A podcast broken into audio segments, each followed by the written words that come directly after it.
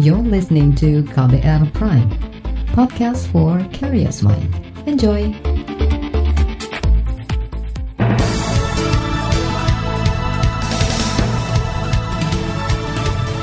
Selamat pagi saudara, senang sekali kami bisa menjumpai Anda kembali melalui program Buletin Pagi edisi Kamis 29 Oktober 2020 bersama saya Agus Lukman. Sejumlah informasi pilihan telah kami siapkan, di antaranya upah minimum provinsi tahun 2021 tidak naik, memicu polemik. Presiden meminta pemuda memperkokoh persatuan dan kesatuan bangsa. Antisipasi klaster libur panjang, pemerintah kota Balikpapan menyiapkan rapid test di puskesmas. Inilah Buletin Pagi selengkapnya. Terbaru di Buletin Pagi. Kementerian Ketenagakerjaan menetapkan tidak ada kenaikan upah minimum provinsi untuk tahun depan. Ini tertuang dalam surat edaran Menteri Ketenagakerjaan yang diterbitkan pada awal pekan ini. Surat edaran itu ditujukan kepada gubernur se-Indonesia dan berisi penetapan upah minimum 2021 pada masa pandemi. Sekjen Kementerian Ketenagakerjaan Anwar Sanusi mengatakan berdasarkan surat edaran itu, gubernur diminta untuk mengumumkan besaran upah minimum provinsi pada 31 Oktober mendatang. Upah minimum ya yang kemarin kita sudah sampaikan karena memang kan upah minimum itu harus ditetapkan dalam 1 November. Nah 1 November itu kan ya tinggal minggu depan ya. Artinya kan kita uh, memang harus segera menyampaikan kepada pemerintah provinsi dan pemerintah provinsi nanti juga menyampaikan kepada pemerintah kabupaten terkait dengan upah minimum. Ya memang setelah kita memperhatikan masukan-masukan. Sekjen Kementerian Ketenagakerjaan Anwar Sanusi mengklaim penetapan upah minimum 2021 itu berdasarkan masukan dari pekerja dan pengusaha. Sebelumnya Menteri Ketenagakerjaan Ida Fauzia mengatakan keputusan tidak naiknya UMP 2021 berdasarkan kondisi ekonomi yang mengalami tekanan di masa pandemi. Dalam perkembangannya, Menteri Tenaga Kerja mengklaim saat ini ada 18 provinsi yang sudah bersedia untuk mengikuti surat edaran mengenai upah tidak naik di tahun depan. Saudara terbitnya surat edaran Menteri Ketenagakerjaan yang menyatakan upah minimum provinsi atau UMP tahun 2021 tidak naik mendapat penolakan keras dari para buruh. Buruh menganggap surat itu tidak mementingkan kesejahteraan para pekerja. Presiden Konfederasi Serikat Buruh Seluruh Indonesia KSBSI Eli Rosita Silaban mengatakan, Menteri Ketenagakerjaan seharusnya tidak mengeluarkan surat edaran semacam itu di tengah kondisi pandemi COVID-19. Jadi ini kan sebagai anjuran, tidak ada dasar hukumnya, bisa diikuti, bisa tidak. Yang jadi masalah memang nanti para gubernur ini akan membuat surat edaran ini menjadi acuan bahwa sudah ada surat edaran menaker, tidak ada upah uh, naik gitu. Saya sih lebih melihat begini Mbak, jangan dipukul rata tidak boleh naik. Kan kita melihat ada beberapa sektor yang memang bergerak dan meningkat ketika masa pandemi ya kan. Mm-hmm, misalnya pertambangan, sawit, ada misalnya makanan apakah mereka itu tidak bisa naik gitu. Presiden Konfederasi Serikat Buruh Seluruh Indonesia Eli Rosita menambahkan tidak adanya kenaikan upah mestinya dapat didiskusikan khususnya untuk sektor tertentu yang tengah merosot saat pandemi seperti industri pariwisata dan transportasi. Eli juga menyayangkan surat edaran itu muncul di tengah memanasnya pembahasan Undang-Undang Cipta Kerja maupun masa krisis buruh karena pandemi. Sementara itu Menteri Keuangan Sri Mulyani mengatakan pemerintah akan menggunakan instrumen fiskal sebagai jembatan untuk membantu perusahaan dan meningkatkan daya beli masyarakat yang terganggu akibat pandemi COVID-19. Sehingga dengan demikian kita tidak membuat jangan sampai kalau kemudian terjadi salah satu policy yang menyebabkan perusahaan makin lemah atau dalam hal ini kemudian pekerja menghadapi kemungkinan kena PHK. Ini yang sedang dicari titik balance-nya dari pemerintah menggunakan berbagai instrumen. Instrumen UMP ya, atau upah minimum satu hal, tapi pemerintah menggunakan banyak sekali anggaran untuk perlindungan sosial di dalam rangka mengkompensasi dan membantu daya beli masyarakat. Menteri Keuangan Sri Mulyani menambahkan pemerintah sudah mengeluarkan anggaran belanja bantuan sosial sebesar 245 triliun rupiah. Anggaran itu digunakan untuk membantu masyarakat dan pekerja meningkatkan daya beli tanpa membebani sektor usaha yang sedang tertekan. Di pihak lain, saudara Himpunan Pengusaha Pribumi Indonesia HIPI menganggap kebijakan Kementerian Ketenagakerjaan yang tidak menaikkan upah minimum provinsi tahun depan sudah adil. Ketua Umum DPD HIPI DKI Jakarta, Sarman Simanyorang mengatakan, berdasarkan ketentuan perhitungan UMP, maka upah minimum tahun depan seharusnya turun.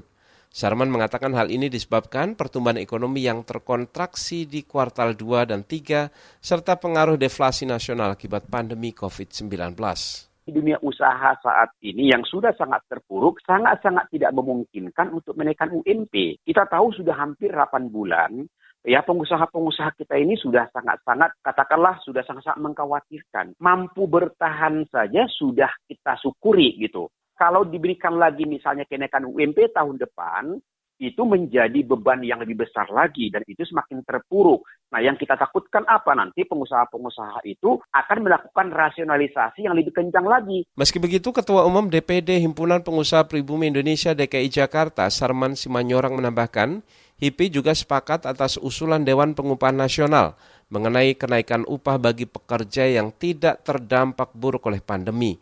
Ia menyebut sektor yang tidak terpukul akibat pandemi seperti telekomunikasi dan kesehatan bisa menaikkan upah para pekerjanya. Sementara Lembaga Kajian Ekonomi Indef menilai pemerintah harus mencari formula baru terkait upah minimum provinsi untuk tahun 2021. Direktur Eksekutif Indef Tauhid Ahmad mengatakan inflasi masih menjadi patokan naik tidaknya upah terutama di masa pandemi seperti saat ini. Belum begitu lagi proses pemulihan menurut saya memang perlu dibantu tetapi juga tidak boleh tidak naik. Minimal adalah uh, inflasi itu harus tetap dijaga karena kan upah real mereka turun begitu. Kalau terlalu banyak kalau tidak ada kenaikan sama sekali ya kasihan juga teman-teman buruh gitu. Tapi saya kira minimal inflasi lah mungkin tidak besar kan tahun ini sendiri kan dua dua persen ya paling tinggi tiga persen itu udah menurut saya di tengah situasi ini cukup membantu uh, dan tidak memberatkan pengusaha. Menyikapi polemik pengupahan ini, Direktur Eksekutif Indef Tauhid Ahmad mengatakan pekerja membutuhkan kenaikan upah untuk menambah daya beli yang cenderung turun akibat pandemi. Apalagi menurutnya, bantuan sosial dari pemerintah juga belum mampu mendongkrak daya beli pekerja. Begitu juga tidak semua pekerja memperoleh bantuan subsidi upah dari pemerintah karena tidak masuk kriteria ataupun tidak terdaftar. Kementerian Lingkungan Hidup mengklaim proyek Jurassic Park di Pulau Komodo sudah sesuai dengan aturan konservasi. Informasi selengkapnya kami hadirkan usai jeda tetaplah di Buletin Pagi KBR. You're listening to KBR Pride, podcast for curious mind. Enjoy!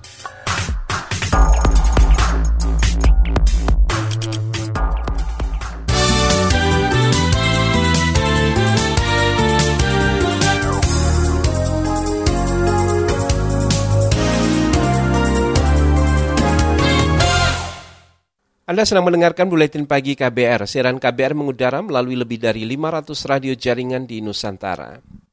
Presiden Joko Widodo meminta anak muda di Indonesia untuk memperkokoh persatuan dan kesatuan sebagai satu bangsa yang utuh. Saat memberi sambutan peringatan Hari Sumpah Pemuda secara virtual Rabu kemarin, Jokowi meminta agar perbedaan ras, bahasa, suku maupun budaya dihapuskan. Menjadi Indonesia tidak cukup hanya dengan menjadi bagian dari wilayah Indonesia. Kita harus bekerja sama merawat keindonesiaan. Keindonesiaan harus selalu dijaga dengan semangat solidaritas dan rasa persaudaraan. Kita harus saling membantu satu sama lain dalam semangat solidaritas. Tidak ada Jawa, tidak ada Sumatera, tidak ada Sulawesi, tidak ada Papua yang ada adalah saudara sebangsa dan setanah air. Presiden Joko Widodo juga menambahkan pesan Sumpah Pemuda di era globalisasi ini harus diikuti dengan pemahaman dan rasa simpati. Dan setiap kompetisi juga harus melalui proses yang sehat dengan pedoman pada kemajuan bersama yang menyatukan perbedaan. Beralih ke informasi lain, Saudara Kementerian Lingkungan Hidup dan Kehutanan mengklaim kegiatan pembangunan sarana dan prasarana di Taman Nasional Komodo, Nusa Tenggara Timur sudah sesuai dengan aturan konservasi. Direktur Jenderal Konservasi Sumber Daya Alam dan Ekosistem Wiratno memastikan satwa langka komodo aman dari gangguan operasional alat berat karena dalam pembangunan diawasi oleh para ranger atau pemandu satwa. Setiap hari dipastikan 10 ranger untuk memastikan bahwa dia tidak masuk di wilayah proyek itu. Dengan saya akan hadir di lapangan untuk memastikan protokol yang lebih ketat ya tentang bagaimana pembangunan di daerah sensitif ini. Jadi Komodo Dulu ketika kita membangun sarana prasarana itu juga di situ ada komodonya. Jadi kita tidak memindahkan mengusir komodo itu dari tempat itu, tetapi kita menyesuaikan menggiring komodo ke satu tempat yang aman baru kita dibangun. Di situ ada bangunan-bangunan yang dibangun oleh Balai TN Komodo juga. Dirjen Konservasi Sumber Daya Alam dan Ekosistem di Kementerian Lingkungan Hidup, Wiratno mengklaim penggunaan alat berat tetap dilakukan karena bahan baku pembangunan sarana prasarana di Pulau Komodo berat dan besar. Proyek pembangunan sarana dan prasarana di Taman Nasional Komodo atau saat ini dijuluki sebagai proyek Jurassic Park menuai banyak protes karena dianggap mengancam habitat komodo sebagai hewan dilindungi. Beralih informasi lain, Saudara Koalisi Bersihkan Indonesia dan Fraksi Rakyat Indonesia mengungkap kejanggalan proyek ibu kota negara di Kalimantan Timur. Juru bicara Koalisi Bersihkan Indonesia, Ahmad Asof Biri menyebut proyek ibu kota baru itu dilakukan di lahan konsesi industri. Selain itu, lahan proyek ibu kota baru juga bertambah luas dari sebelumnya hanya 180 ribu hektar menjadi sekitar 250-an ribu hektar. Bahkan kini diusulkan diperluas menjadi 400-an ribu hektar. Ya. Dan 158 di antaranya dari 162 itu adalah uh, konsesi batu bara gitu waktu itu konsesi batu bara dan uh, kita menemukan ada 94 lubang tambang yang masih menganga tidak di tidak direklamasi, tidak dipulihkan gitu ya seperti sedia kala seperti diwajibkan gitu. Nah, dari situ uh, uh, jadi temuan pertamanya adalah bahwa dia bukan ruang kosong, sudah ada banyak konsesi. Juru bicara Koalisi Bersihkan Indonesia Ahmad Asof Biri menyebut tidak mungkin pemilik konsesi dengan mudah menyerahkan lahannya kepada pemerintah untuk dijadikan proyek ibu kota negara. Koalisi Bersihkan Indonesia menduga ada potensi proses tukar guling proyek ibu kota negara dengan proyek di luar wilayah ibu kota negara. Kita ke mancanegara. Saudara, kurang dari seminggu menjelang pemilu Presiden Amerika Serikat 3 November, dua calon Presiden Amerika meningkatkan kampanye di negara-negara bagian utama di Midwest. Berikut laporan Eva Mazrifa dari VOA Washington. Dengan hanya kurang dari satu minggu menjelang pemilihan presiden 3 November, petahana presiden Donald Trump dari Partai Republik dan penantangnya dari Partai Demokrat Joe Biden berkampanye di negara-negara bagian utama guna mendorong dukungan untuk memenangkan masa jabatan empat tahun di Gedung Putih. Rencana perjalanan mereka mencerminkan persaingan sengit yang terjadi di mana beberapa jajak pendapat menunjukkan Biden unggul tipis atas Trump hingga 7 hingga 9 persen di tingkat nasional. This incredible great state Trump hari Selasa menuju ketiga negara bagian di Midwest di mana ia memenangkan Pilpres tahun 2016 lalu, yaitu Michigan, Wisconsin, dan Nebraska. Dan tampaknya harus dimenangkannya kembali tahun ini untuk meraih masa jabatan kedua. Beberapa jajak pendapat menunjukkan Trump tertinggal di Michigan dan Wisconsin. Sementara itu, Biden yang tampaknya sangat percaya diri dan melakukan ofensif kini menuju kedua persinggahan di negara bagian Georgia – yang sejak tahun 1992 tidak pernah mendukung calon presiden Partai Demokrat. Jajak pendapat menunjukkan Biden dan Trump bakal bertarung sengit untuk memenangkan 16 kursi elektoral di negara bagian itu. Saya Thomas Reva, VOA, Washington. Kita ke informasi olahraga, saudara pelatih tim sepak bola nasional Indonesia U19 Sintayong terus memantau perkemampuan sembilan pemain Indonesia keturunan yang saat ini berkarir di luar negeri.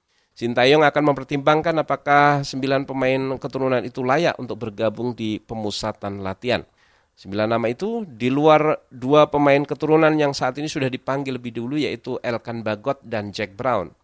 Dari sembilan nama itu, dua di antaranya adalah Kelana Noah Mahesa dan Luah Jeremy Mahesa. Sedangkan tujuh pemain lain masih dirahasiakan identitasnya oleh Sintayong. Saudara laporan khas KBR bertajuk Menjaga Mangrove Pantai Bengkak. Bagian pertama akan kami hadirkan usai jeda tetaplah di Buletin Pagi KBR. You're listening to KBR Pride, podcast for curious mind. Enjoy!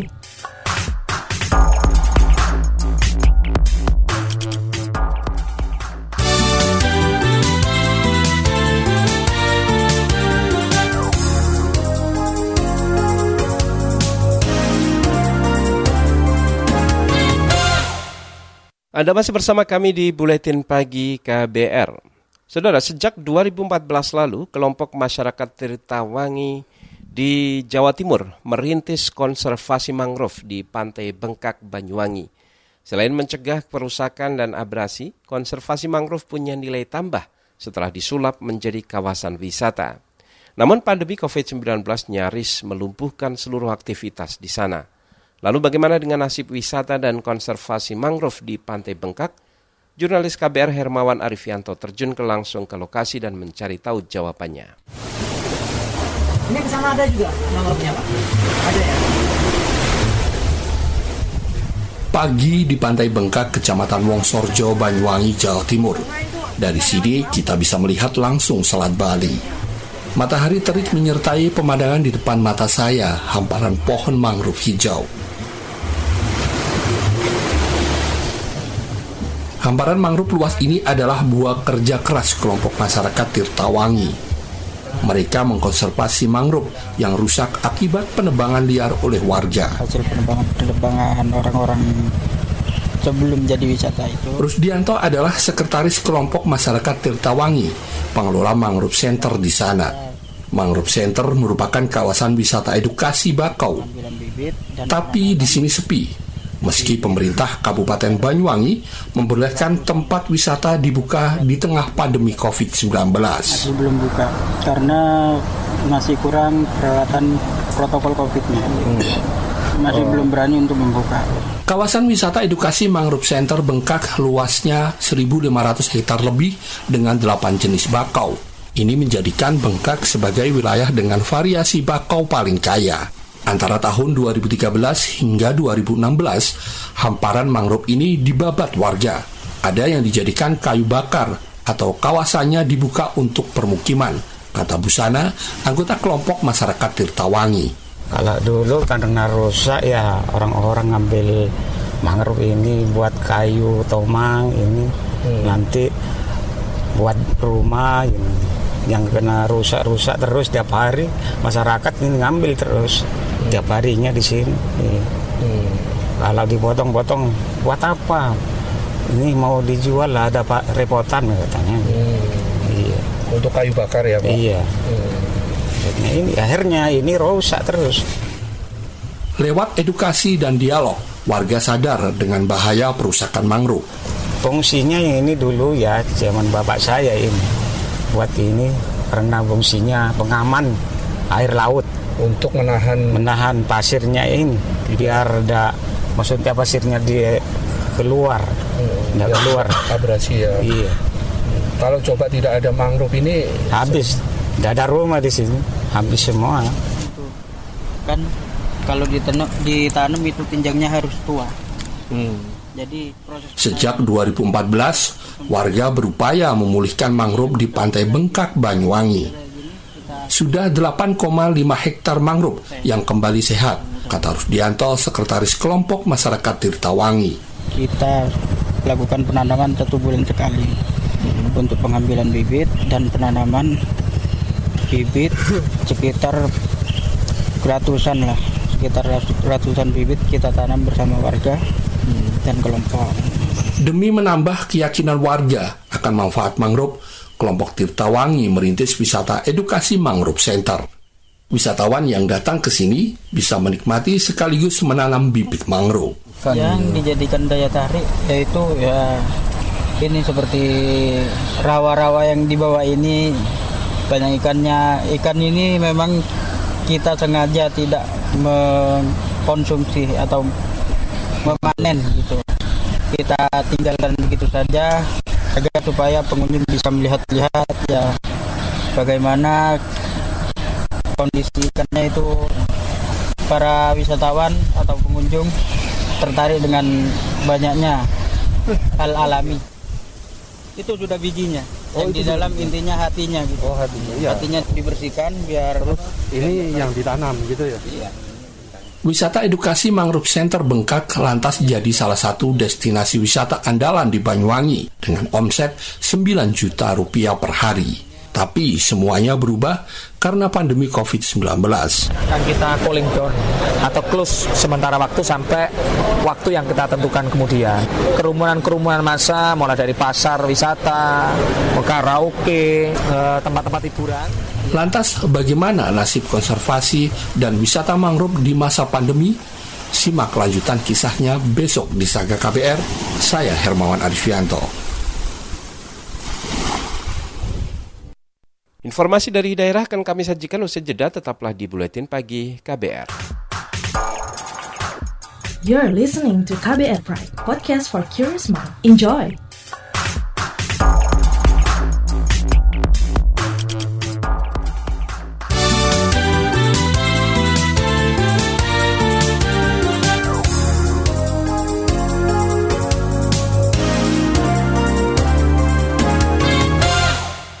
Inilah bagian akhir buletin pagi KBR. Kita ke Kalimantan Timur.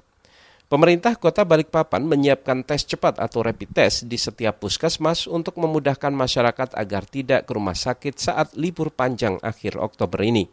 Kepala Dinas Kesehatan Kota Balikpapan Andi Sri Juliarti mempersilahkan warga yang merasa ada gejala usai liburan segera melakukan rapid test di puskesmas. Jika tes memperlihatkan gejala reaktif, maka warga akan ditindaklanjuti dengan tes usap. Eh, dampak-dampak akibat libur panjang ini tentunya pemerintah kota sudah uh, menyiapkan juga eh, upaya-upaya untuk melakukan tracing, testing, dan treatment. Ya, 3T tetap harus kita siapkan. Untuk misalnya rapid test, nah silahkan karena sekarang kita memang sudah menyetop rapid test di semua puskesmas. Ya, kita selalu menggunakan uh, puskesmas sebagai garda terdepan untuk tracing dan testing agar masyarakat lebih mudah, lebih dekat dari wilayah tempat tinggal. Kepala Dinas Kesehatan Kota Balikpapan Andi Sri Juliarti menambahkan pemerintah kota juga akan melakukan tes umum, pelacakan, kasus hingga pengobatan di masa liburan panjang. Meski ada upaya pencegahan dan penanganan, namun pemerintah Balikpapan tetap mengimbau warga tetap berada di rumah saat libur panjang. Kita ke Jawa Barat, Saudara PT Kereta Api Indonesia Daerah Operasi 3 Cirebon mengoperasikan lebih dari 50 kereta api jarak jauh selama libur panjang pekan ini. Juru bicara PT KAI Daops 3 Cirebon, Lukman Arif mengatakan, untuk mengantisipasi melonjaknya penumpang, PT KAI menambah sekitar 13 persen ketersediaan tempat duduk dari hari biasanya, menjadi sekitar 220-an ribu tempat duduk data kami yang mulai tadi malam sampai dengan mungkin hari ini ada peningkatan yang cukup signifikan dari pengguna jasa kereta api di wilayah Jambi Arus balik eh, kami perkirakan ada minggu tanggal 1 oleh karena itu untuk memenuhi keinginan masyarakat tersebut atau permintaan masyarakat tadi kami akan mengoperasikan KA Argo Cirebon. Juru bicara PT KAI Daerah Operasi 3 Cirebon Lukman Arif mengatakan untuk layanan arus balik 1 November sekitar 70 persen tiket sudah terjual. Informasi tadi saudara menutup jumpa kita di Buletin Pagi hari ini. Pantau juga informasi terbaru melalui kabar baru, situs kbr.id, Twitter kami di akun @beritaKBR serta podcast di alamat kbrprime.id. Akhirnya saya Agus Lukman, undur diri, salam.